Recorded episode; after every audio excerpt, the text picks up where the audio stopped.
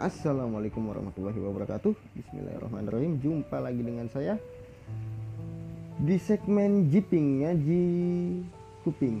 Oke? Nah, Kita lanjut ke episode kemarin ya.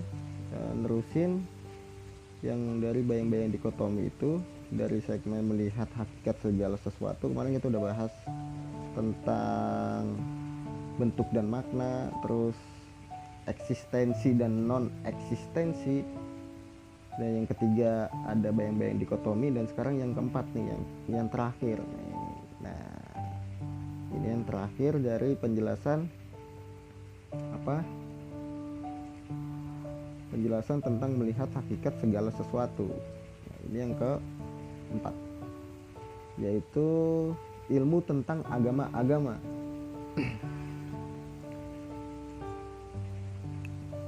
Bismillahirrahmanirrahim Sebagaimana Syekh Jalaluddin Arumi selalu membedakan antara bentuk dan makna. Dia juga senantiasa menunjukkan pada dua corak pengetahuan dan penglihatan. Yang satu hanya melihat pada bentuk, yang satu lagi melampaui bentuk dan melihat pada makna. Yang pertama kadang dia menyebutkan ilmu tentang jasad, ilmi il ilm, il, il, ilmi abdan, ilmi abdan untuk membedakan dari ilmu tentang agama-agama ilmi adian. Jadi ilmu dunia itu namanya ilmu abdan. Dan ilmu agama-agama namanya ilmi adian. Yang terdahulu meliputi seluruh hmm, pemahaman yang dicakup oleh ilmu dan pengetahuan. Seperti eh, seperti metafisika metafisika, dan teologi.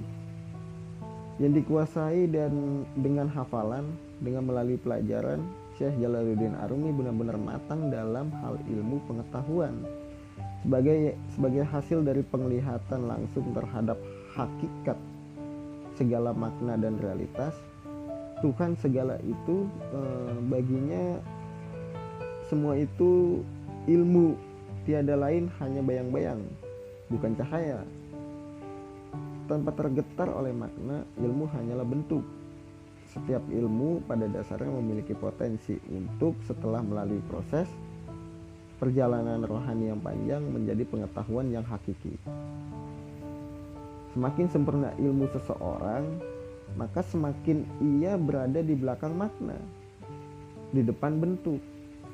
Pengetahuan diperlukan karena ia adalah akar, tempat bertaut cabang. Setiap sayap tak akan mampu terbang melintasi keluas keluasan samudra. Hanya ilmu yang melimpah langsung dari Tuhan dapat mengantarkan seseorang ke haribannya. Setiap ilmu yang didapatkan melalui e, ketekunan belajar adalah ilmu tentang jasad. Ilmu yang diperoleh setelah kematian itu adalah ilmu tentang agama-agama. Dengan mengetahui akulah Tuhan. Itu adalah ilmi abadan tapi dengan menjadi akulah Tuhan itu itulah ilmi adian untuk melihat cahaya yang memancar dari sebuah pelita atau nyala api adalah ilmi abdan.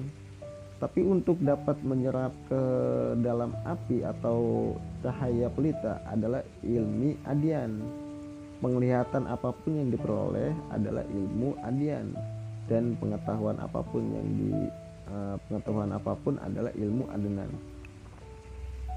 orang-orang yang telah yang telah atau sedang belajar menganggap bahwa jika di sini merawat mereka merawat dengan setia akan melupakan dan meninggalkan semua pengetahuan dan maknalah yang mereka telah merawat dengan setia.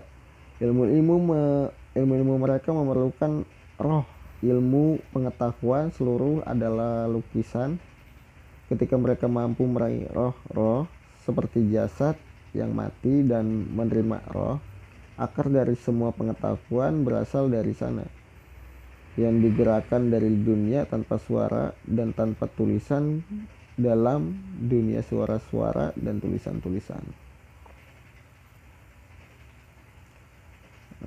Itulah uh, keempat segmen dari melihat hakikat segala sesuatu. Nah nanti kita bakal lanjut ke roh hati dan akal. Nah ini penjelasan roh hati dan akal menurut Syekh Jalaluddin Armi mudah-mudahan ada manfaatnya. Wabillahi taufik wal inayah assalamualaikum warahmatullahi wabarakatuh